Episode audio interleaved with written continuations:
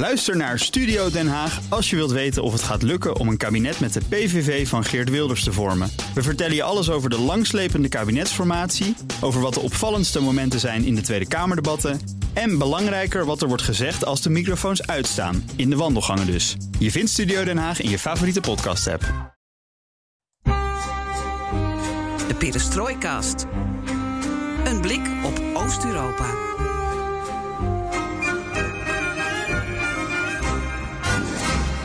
Welkom bij BNR Perestrooikast, aflevering 134 van de enige podcast van Nederland die volledig oog voor het oosten heeft en geeft. We zitten in week 20 van Poetins oorlog in Oekraïne. Al meer dan 140 dagen wordt daar gevochten in dat land. En Floris en ik hebben een boel te bespreken. Ja, zo volgde Geert-Jan de hele week alleen maar Russische staatsmedia.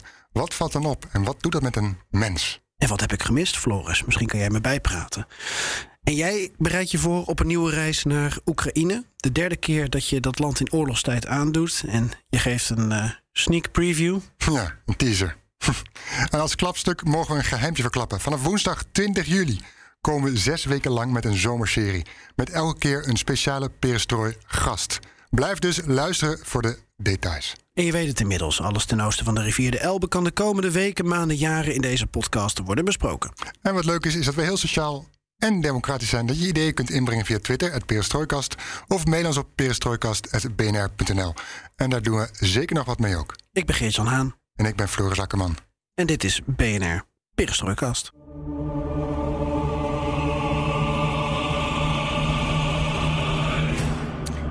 Geert-Jan, eindelijk weer eens een podcastaflevering met z'n tweeën. Kunnen we elkaar helemaal ophemelen zonder dat we een gast in het uh, zonnetje moeten zetten. Of we kunnen elkaar de tent uitvechten. Dat kan ook. En dan ja. kunnen we solo gaan. Afzeiken, afkraken, dat kan ook. Dat is ook een goeie. Ja. Um, Wie trapt eraf? We hebben eigenlijk wel wat te vertellen. Dat hebben we net wel beloofd, zo hè? aangekondigd en beloofd. Ja, want uh, jij bent gerussificeerd deze week, geloof ik. Je hebt je laten onderdompelen in Russische media. Ik heb de staatsmedia gevolgd. En dat was ook mijn hele nieuwsconsumptie voor de hele week. Sinds uh, zondag 10 juli was het, geloof ik, heb ik uh, de westerse media uitgezet. Dus ik heb alleen uh, een uitzondering gemaakt voor, voor kinderfilmpjes. Om met Irene af en toe nog wat te zien. En ja, nou ja, ik weet niet of Henk de vuilniswagen nou enorme propaganda is. Maar ik heb dus alleen maar Russische staatstv gekeken. Russische staatspersbureaus gevolgd. Zodat ik ook het verschil kon zien in wat in nieuwsberichten dan ontstond en wat dan uiteindelijk in een talkshow belandde. Of dat dan dus hetzelfde was of anders werd ingekleurd. En ik heb daarover elke ochtend op BNR verslag gedaan. En ik denk dat het ook wel interessant is om dat met jou even te bespreken. Ik ben, ik ben benieuwd, ja, ook toen jij natuurlijk een paar jaar in Rusland woonde, of je je nog kan herinneren dat jij alleen maar Russisch nieuws volgde. Er was toen al internet. Uh -huh. Zo lang geleden is het ook weer niet. Facebook. Maar, ja, dat was een katalysator van de protesten. Um, Balotna, ja. Ja, bijvoorbeeld okay. die periode 2011, 2012. Ja. Um, maar ik heb dus geen Dorsch TV of nee, nee, gezien. Wat, wat, heb je, heb je, wat heb je allemaal gezien? Laten we even... Welke ja, programma's, welke presentatoren? Ik heb uh, op zondag gekeken naar Kiselyov, uh, Wiesny Deli. En dat, uh, we nemen op op vrijdag 15 juli. En mijn plan is om dat komende zondag ook nog een keer te zien. Ik heb naar Salavjov gekeken. En ik heb naar. Um, uh, met, met zijn programma Wertjer. Mhm. -huh. En ik heb naar. Uh, 60 minuten gekeken. En Mhm. -huh. daar heb je het presentatieduo. Soms samen, soms afgewisseld. Uh, Olga Skabeeva en Yevgeny Mhm. Popov. En dat is ook nog eens een, een duo. Ja. Getrouwd duo. En uh, wat ze ook gemeen hebben is dat ze allebei op de sanctielijst staan van het Westen. Ja. Dat staan bijna alle talkshow-hosts uh, sinds um, begin maart. Op Kiselyov na, die staat er al sinds 2014 op. Ja, en deze drie programma's, dat zijn ook zeg maar de, de hardcore programma's waarin de meest felle uitspraken worden gedaan. Ja, je hebt natuurlijk ook nog wel um, uh, het, het, het Tsargrad TV. Uh -huh. Uh, hele, ook een radicaal rechts online platform. En zo heb je natuurlijk nog meer dingen. Ik, ik luisterde ook wel eens naar Solovjov op de radio. Ik heb Radio Sputnik geluisterd in de auto. -huh. Dat was wat minder extreem. Maar is wel een, een, een radiozender van Ria Novosti. Um, en ja, dan krijg je dus wel... Uh, bijvoorbeeld in een nieuwsbulletin is het eerste bericht... Uh, DNR en LNR hebben de eh, diplomatieke banden met Noord-Korea aangehaald nadat Noord-Korea ze heeft erkend. Mhm. Ja, als dat. De twee volksrepublieken. Ja, zogenaamde Volksrepubliek. En als dat dan het belangrijkste nieuws is dat je te melden hebt, dan zit er al een zekere inkleuring wel bij. Maar goed, Mhm. die talkshows, dat is toch alweer een niveautje anders. Ja, want hoe, wat gebeurt er in die talkshows? Wat jou... eh, Dan eh, gaat er een ehm, put open met heel veel eh, harde woorden. Dan vallen de woorden nazisme, antisemitisme veel makkelijker. Is het anti-Amerikanisme ook veel groter? En wat je ook ziet is ja, de kracht van tv, dus beelden die er dan bij komen. mhm. En je hebt dus bij bijvoorbeeld zo'n 60 minuten, eh, een programma dat veel langer duurt dan 60 minuten, heb je dus de eerste drie kwartier bestaan uit een presentator met een hele dominante rol, ook als commentator, die allerlei nieuws aan elkaar praat, wat heel geraffineerd in elkaar is gezet. Het valt mij op dat ze ongelooflijk goed zijn bij die programma's om eh, eh, heel snel van het ene bericht naar het andere te schakelen met een bruggetje. Waardoor je denkt van hé, hey, dit is logisch. Maar op een gegeven moment ben je dus van een gebeurtenis van 80 jaar terug in één keer in een kernoorlog beland. Zo snel kan het, eh, kan het gaan. En ze hebben dan ook gasten eh, uitgenodigd, panelleden, onderdeel eigenlijk van de propagandistenteams, die ook roleren. Maar in 60 minuten ja, zijn, ze, zijn ze echt meer decorstuk, vind ik. Ze komen daarna wel aan bod, na die eerste drie kwartier, dat eerste uur. Het eerste drie kwartier, eerste uur is echt een soort nieuwsuur. En daarna wordt het op één, maar staat nog steeds de presentator redelijk op de voorgrond. En je ziet dat ook wel met, ehm met. Ja, eh, daar zitten panelleden die mogen dan hun, hun monologen houden. Want heel veel met elkaar discussie doen ze niet. Maar hij is zo dominant. Ja. Ja, ook eh, bij Wiertsti eh, FM, bij zijn radioprogramma. Ja, dan kan je meekijken, ook eh, online. Ja, ik, ik kon alles zien via, dat is even op zijn Nederlands gezegd, Smotrim TV. Mhm. Dus dan doe je S-M-O-T-R-I-M.ru. Mhm. En dan kan je bijna alles zien. Er wordt niet geblokkeerd, dus... Nee. Nee, ik heb geen artierspoeding trouwens gekeken. Dus, En het draait bij die drie shows vooral onder presentatoren. Die zetten een stempel op programma. Ook qua uitspraken, qua inhoud, qua hun mening. ja, hoewel je ook weer kan stellen, het draait om het Kremlin. Mhm. Ik heb ook wel begrepen, en volgens mij vertelde Joost Bosman dat ook nog eh, deze week op, eh, op BNR. Volgens mij was dat maandagmiddag. Dat hij zei, eh, dat hij ook wel eens heeft vernomen dat er elke week overleg is tussen Peskov, de speciale vertegenwoordiger van Poetin, oftewel zijn woordvoerder, en eh, ja, de, eh, de belangrijkste eh, staatsmedia. Mhm, mhm. En die overleggen wat de lijn van de week dan wordt. Ja, ja. En dat is eigenlijk een soort publiek geheim dat dat op die manier eh, Ja. gebeurt. En daarom heb ik ook wel de indruk dat wat je bij die staatspersbureaus ziet, dat is qua, qua nieuws en qua invalshoek best wel vergelijkbaar met die talkshows. Alleen hebt niet de kracht van tv, van beeld, eh, je hebt niet de inkleuring, je hebt niet de hele felle retoriek, maar het narratief, dat, dat is er wel. ja, maar het komt wel direct over, Ja, die talkshows. Dat komt echt zeker. boem je huiskamer in. En, en, en, en 60% van, van de mensen in Rusland kijkt naar staatstv. En dat is natuurlijk heel anders dan het percentage dat eh, kranten leest. Ja, ja. Heb je dan ook gekeken naar oppositiezenders? Bewust niet. Mhm. Nee. Waarom niet? Omdat ik eh, dit als een soort experiment zag om het een week lang te doen. En ik heel nadrukkelijk heb gekozen voor die staatstv. Om, om dat, dat, dat Russische narratief te begrijpen van de meerderheid. Mhm.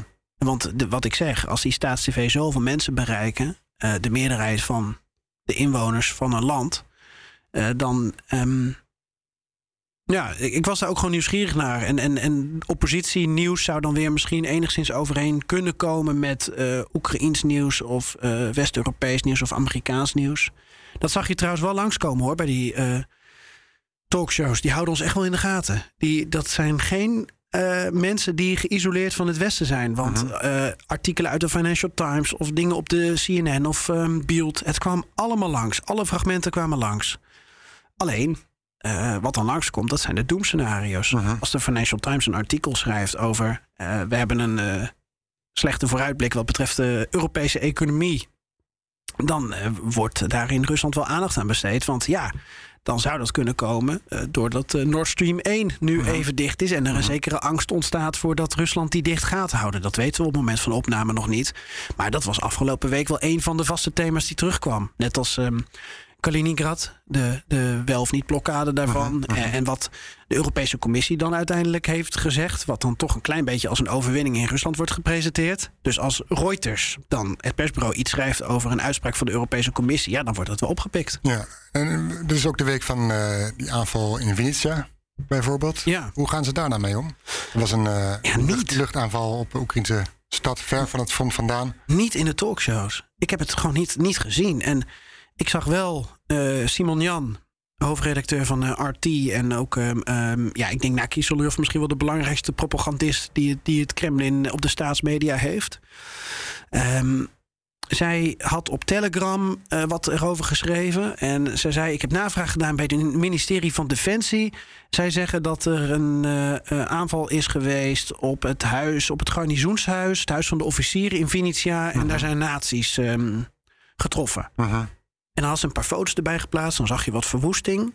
En je zag mensen, en die had ze dan rood omcirkeld. Beetje als, als in het programma Paint op je computer met zo'n potloodje zo. mhm. En dat zouden dan de vermeende nazi's zijn. Niks over dodental, niks over Wat er daadwerkelijk stond. wat er daadwerkelijk stond, setting, ik weet niks. Mhm. En ik hoorde dat dus toevallig op vrijdagochtend vanochtend eh, van Bas van Werven. Want dan gaf ik een update van eh, de, het Russische staatsnieuws. En dan vertelde hij wat dan eh, het nieuws was dat, eh, dat, dat ons had, eh, had Mhm. bereikt. Ja, en wat dan wel vol in de talkshows aandacht kreeg, was een aanslag in, in Donetsk. Op de stad, op het busstation. Mhm. En ik, ik heb daar een stukje audio bij. Ehm, dus luister maar even mee. Dit duurt zo'n 40 seconden. En het- je kan het opsplitsen in zo'n drie, drie delen. En je hoort vanzelf wel ehm, waar ik naartoe ga.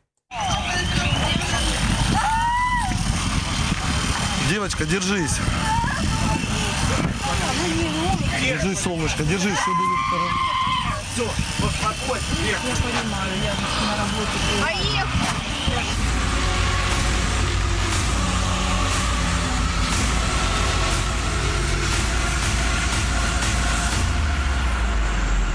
Да, на эти кадры невозможно смотреть, но их необходимо показывать. Зеленский, Байден, Джонсон – настоящие кровопийцы и убийцы. Это гражданский автовокзал. Ja. Dus het eerste gedeelte hoor je een vrouw gillen. Dat is een eh, vrij jonge vrouw. Die hebben ze achteruit een busje gehaald. Eh, eh, slachtoffer van die aanslag.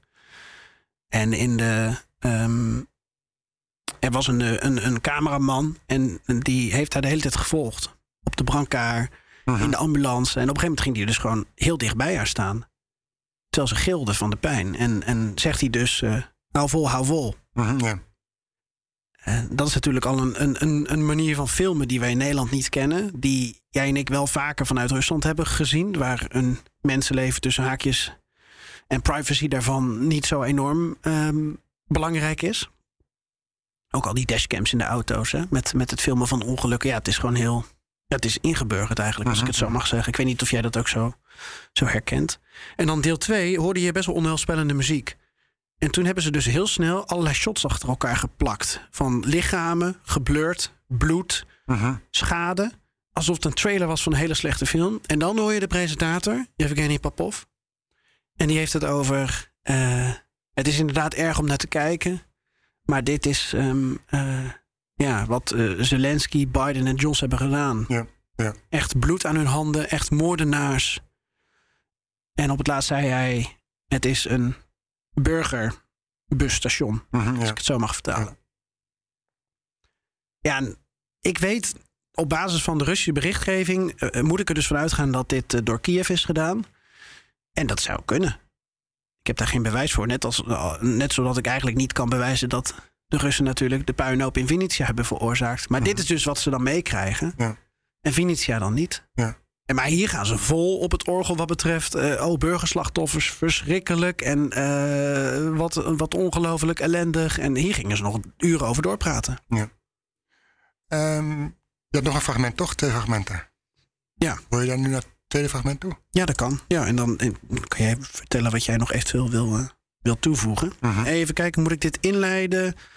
Nou, dit is Olga Skabeva, dat is de man. Nee, de, de vrouw van uh, Yevgeny Popov, dus ook uit uh, 60 minuten. Dat is iets beter te volgen, omdat Salavjov, die talkshow, dat gaat echt in een moordend tempo. Dus dan, als ik daar nu wat van laat horen, dan eh, is daar soms geen touw aan vast te knopen. Dus even luisteren. Борис в отставку из-за пьянки, Шольц из-за наркотиков для изнасилования, теперь еще и канцлер Австрии. Ну, посмотрим. Да, Прям берем в ручки попкорн. видимо, видимо, сам уже начал, поэтому предлагает однопартийцам и широ- широкий, широкой массе. Венский наркоман. Э, Ja, Widienski Nakkerman, это de Weense drugsverslaafde. Ja.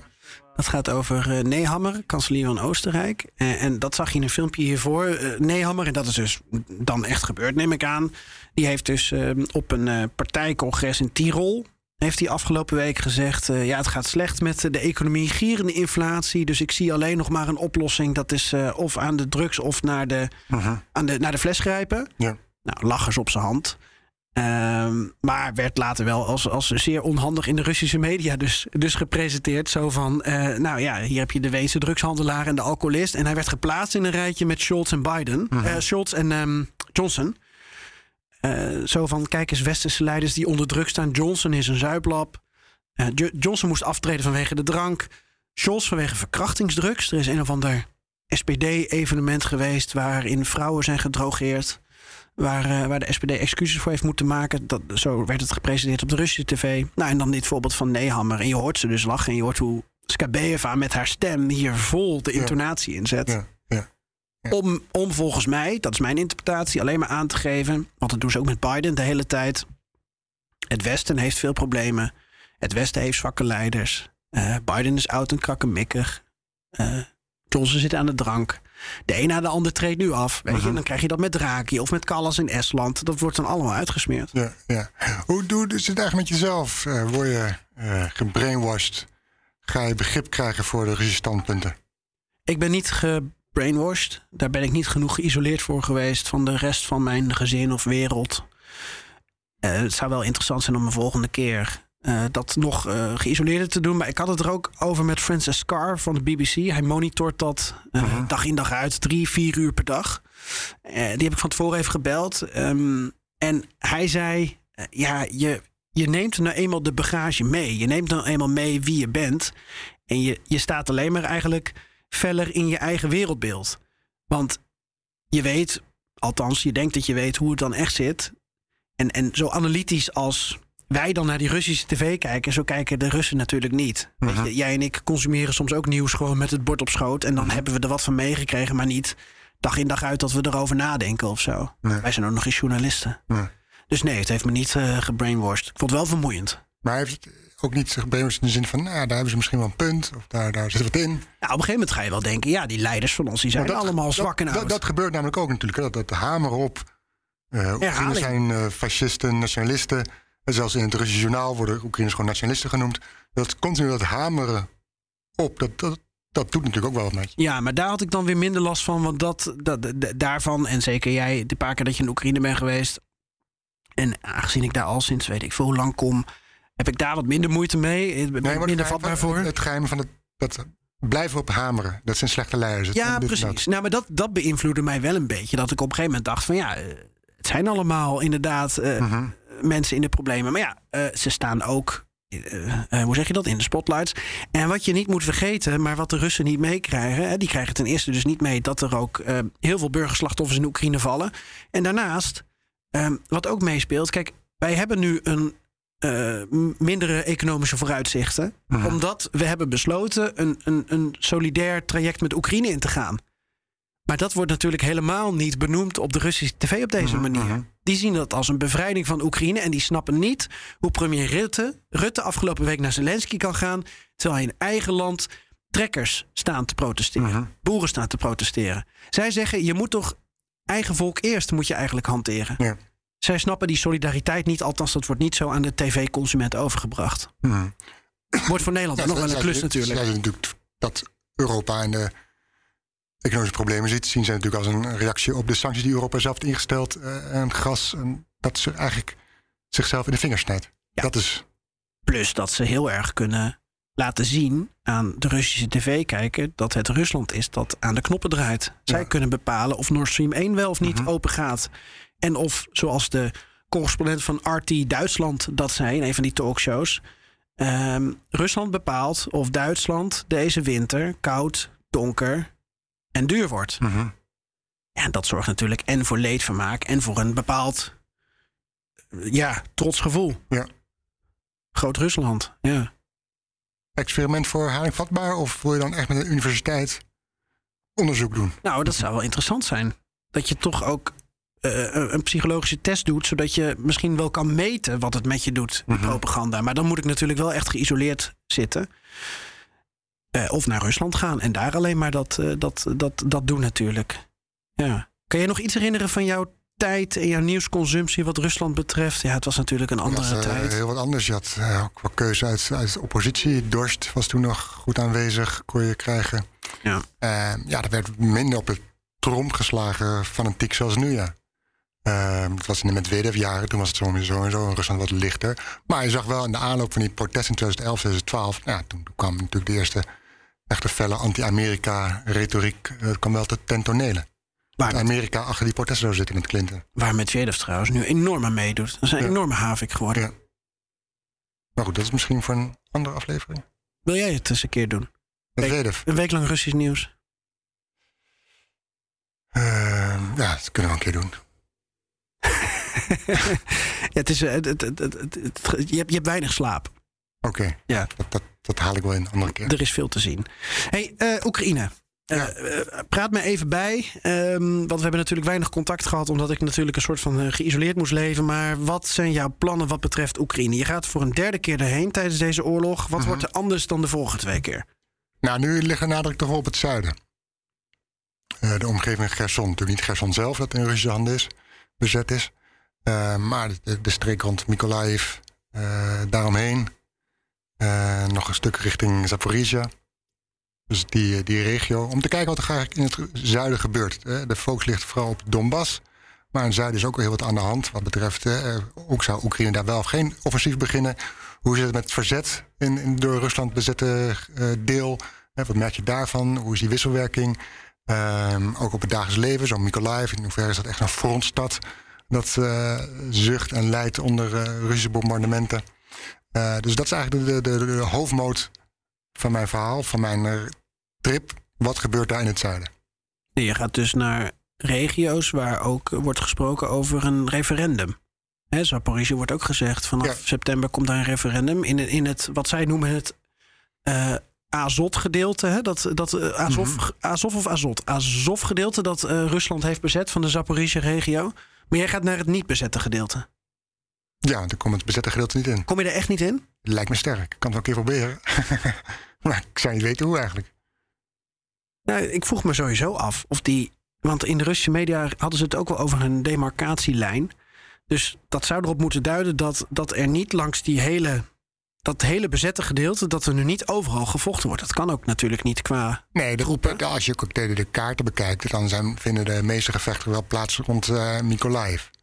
Daar worden meestal dan zie je de meeste granaten, symbolen zie je staan op, eh, op kaarten. En als je richting, meer richting het oosten gaat, richting Zaporizhia, is het rustiger. ja. Dus, dus, dus het concentreert zich vooral daar. Dat is ook een belangrijk punt ook voor Oekraïners. Hè. Gerson is een belangrijke stad, eh, economisch ook. En voor de Russen is Gerson ook weer belangrijk, want dan hebben ze eigenlijk een grote stad aan die kant van Oekraïne in handen. Gerson is nu Eh, bezet. Ja, en het geeft ook tegelijkertijd aan hè, dat Poetin roept altijd maar van het. We willen Donbass, Oost-Oekraïne bevrijden. Maar ondertussen zitten ze wel in het zuiden. En dat willen we ook nog wel eens vergeten. Dat Rusland eigenlijk al een heel strook van Oekraïne daar in het zuiden heeft. En dat natuurlijk ook kan gebruiken als springplank.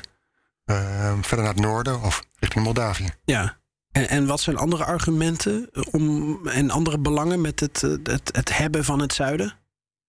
En naar economisch bijvoorbeeld. Dan bedoel je vanuit Oekraïns oogpunt of vanuit. eh, Ja. eh, Ja, nou, Russisch allebei. Nou ja, economisch eh, gezien allebei, denk de, ik. De, de aanvoerder naar, naar de Krim bijvoorbeeld, het waterkanaal, dat, je, dat, eh, dat goed de watertoevoer naar de Krim is. Dat was een probleem de afgelopen jaren waar Oekraïne de Russen mee hebben opgezadeld, eh, opgezadeld de Oekraïners. Voor Oekraïne is het belangrijk hè, dat, je, dat je in ieder geval die, die zuidkant, die Zwarte Zee, eh, toegang hebt met, eh, met zijn havens. Dus dat is ook belangrijk voor Oekraïne om dat eh, terug te veroveren. Ja, want alleen Odessa is nog in Oekraïnse handen. En de andere Ja. havens zijn door Rusland Ja. vernietigd slash En dan bezet. kun je ook weer, kom je ook weer dichter bij de Krim. Ja. eh, waar je ook dan meer eh, controle of in ieder geval invloed kan uitoefenen. Ja. En, eh, maar goed, het is ook interessant hoe dat, die wisselwerking met die partizanen is... die strijd leveren in het door Rusland bezette gedeel. Ja, bijvoorbeeld Berdjansk, toch? Is partizanenstrijd wel... En Gerson? Ja, Gerson is het meest. En Mel? Melitopol? Ja, daar ook, ja. Ja. Eh, die twee steden, die, eh, daar, hoor je het meest, daar cijfert het meeste door van... daar zijn partizanen bezig, ja. Ja. Bergjans weet ik eigenlijk niet. Ja, daar heb ik wel eens wat van gezien. Maar goed, dat ligt dan. Dat is ook een van die eh, havensteden hè, die Rusland dan in handen heeft. Ja. Maar goed, je weet ook niet zo goed welk verzet er nou nog overal precies gevoerd wordt, omdat er op zoveel plekken oorlog wordt, wordt gevoerd. Wat, wat, wat, wat, wat denk je dat er anders wordt dan de vorige twee keer, afgezien van de locatie? Eh, Ehm, je gaat ook kijken of de Oekraïners eh, weer land kunnen terugveroveren. Dat is natuurlijk wel weer heel anders. Ja, dat is zeker anders. Ik denk dat het, eh, deze streek dynamischer is. In Donbass heb je toch Rusland dat, dat beukt eh, op Oekraïne. Artilleriebeschietingen en vluchtelingen. Maar hier is door die wisselwerking van die partizanen... eh, Oekraïne dat probeert terug te veroveren. Rusland dat natuurlijk zijn stelling inneemt om Gerson te verdedigen. Eh, is dat toch een ander soort dynamiek, denk ik, dan in, eh, dan in het oosten. Want de vorige twee keer, de eerste keer was je in Kiev. De eerste keer was Lviv en Kiev. De tweede keer was eh Dnipro, Zaporizhia en, en Pakrovsk, Donbass, richting de frontlinie. En dat was ook op het moment, die laatste keer in Oost-Oekraïne. Toen was er ook wel een soort van optimisme in Oekraïne. Eh toen was natuurlijk net het uh, Kharkiv, daar omgeving, daar hadden ze bevrijd. En hadden zoiets van, nou, we, we kunnen die Russen, eh, we kunnen hiermee verder. We kunnen, we kunnen terugpakken. We staan op het punt om ze terug te slaan. Daarna werd het toch weer wat minder, omdat toen eh, Rusland zich concentreerde op Donbass. eh, eh, daar een stukje bij beetje daar iets van terugveroverde. En dat heeft eh, het optimisme ook alweer in doen dammen bij de Oekraïners. Ze kregen het echt even een paar maanden lastig. Nu hebben ze misschien weer moed geput uit, uit die HIMARS, die eh, raketsystemen, die Amerikaanse raketsystemen waarmee ze eh, eh, doeltreffend zijn.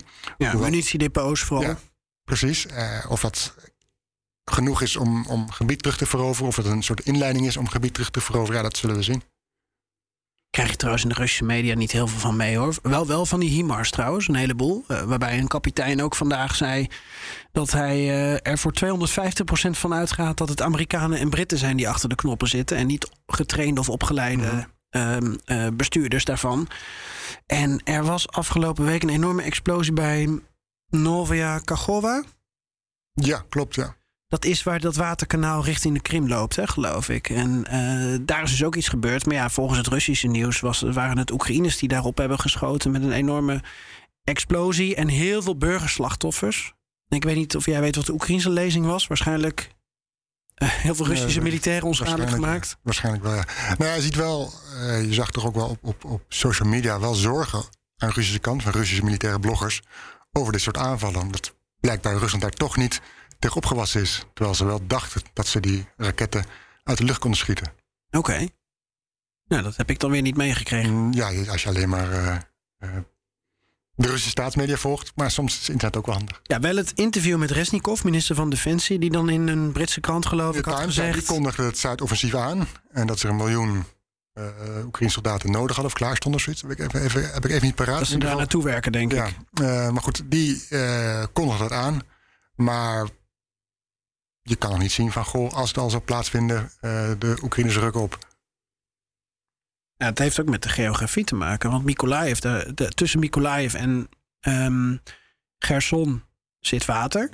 En dat zorgt, heeft er ook voor gezorgd, volgens mij, dat Mykolaiv nog steeds eh, goed verdedigd kon worden. Wel kapot wordt Ja, wat, wat, geraketteerd. wat ik, ik heb, dat hoop ik eh, duidelijk te hebben wat er gebeurd is in Gerson. Gerson is eigenlijk heel makkelijk in de Russische handen gevallen. Omdat daar blijkbaar het eh Oekraïnse pres- bestuur op dat moment eh, de overstap maakte naar... of in ieder geval geen strobeet in de weg legde, de stad niet had voorbereid eh, op verdediging. En daardoor was het voor de Russen een koud kunstje om Gerson in te nemen. De grootste stad tot nu toe Ja. in De grootste buit.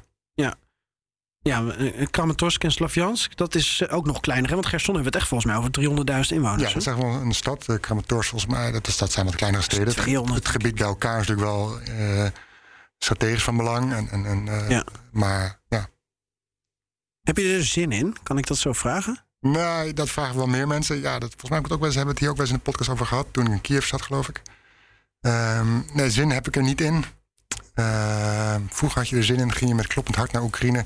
Omdat je wist, oh, dan ga ik nog even. En dan ga ik nog naar die stad, dan kom ik even langs. Misschien kan ik daar nog even leuk dat eten, dat restaurant. Of dan die, die stad, bijvoorbeeld Mariupol, daar had, dan was dan, had dan een, eh, een nieuwe pier gekregen. Toen het nog in Oekraïne, tot de Oekraïne behoorde. Toen dacht ik, oh, dan ga ik een keer naar Mariupol om die pier te zien. Maar ja, dat, dan denk je, ja, dat hebben ze weer iets moois gemaakt. Eh, Ik ben benieuwd hoe de stad zich ontwikkelt. Maar ja, dat kan dus ook niet meer. En mensen zijn vertrokken, steden zijn leeg. Dus de lol is er wat dat betreft vanaf. Dus nu, eh, nu ben je vooral nieuwsgierig hoe dingen zich ontwikkelen. Heb je het gevoel dat je onderdeel bent van de geschiedenis? Voel je het zo groot of niet? Ehm nou, de eerste geschiedschrijving toch, zeggen, doen journalisten.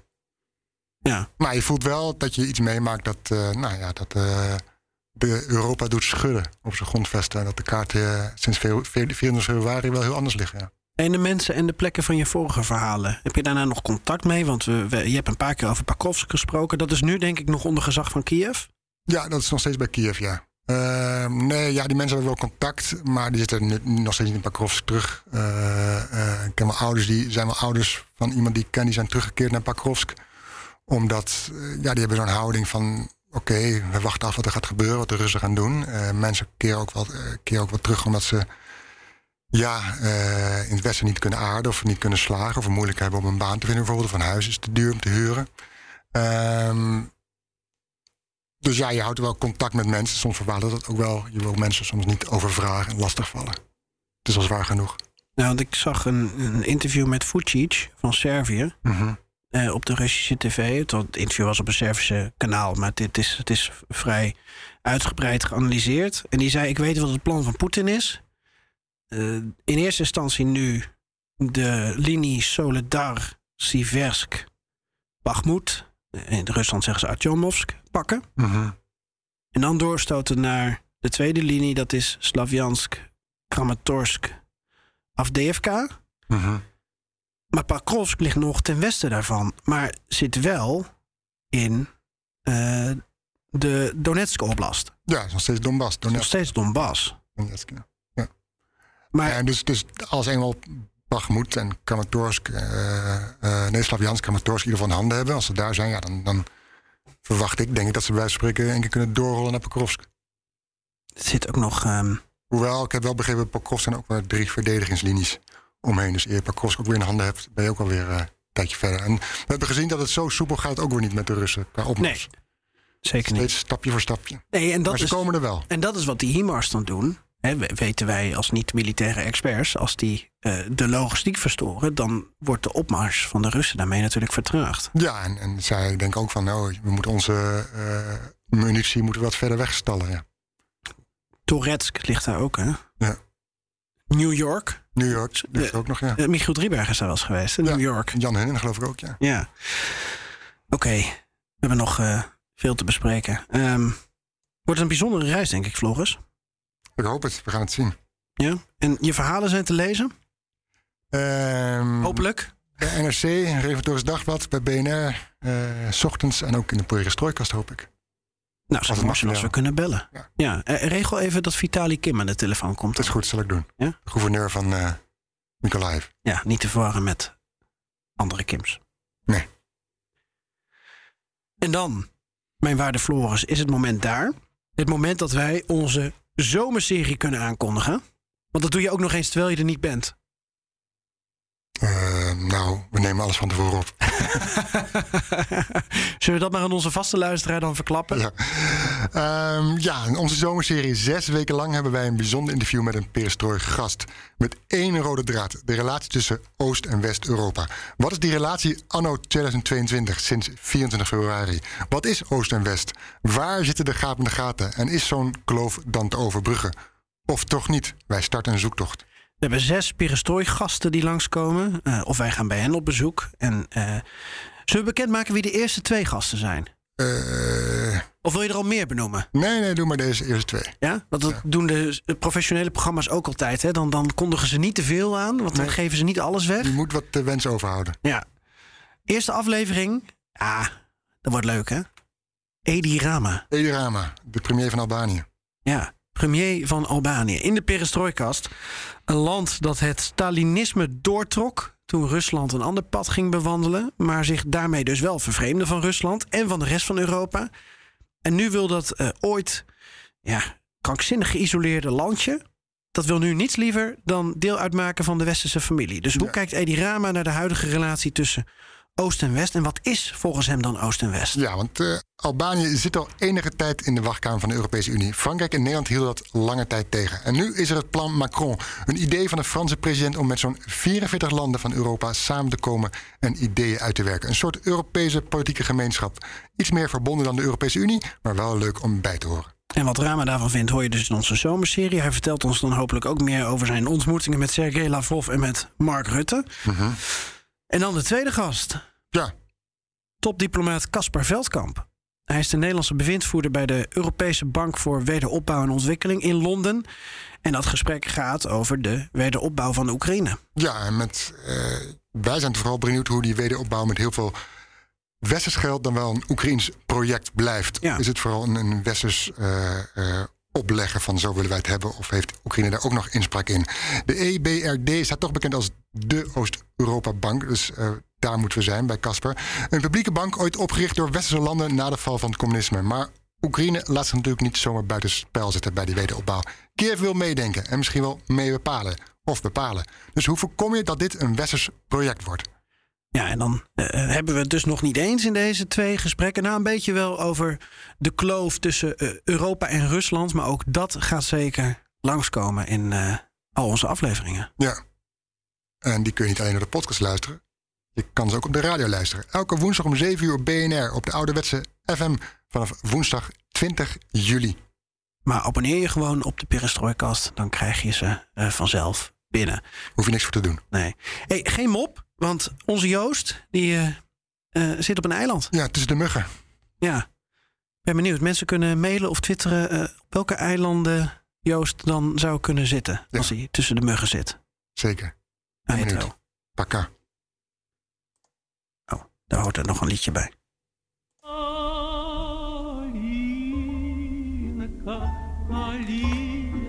Калинка моя, в саду ягода, малинка, малинка моя.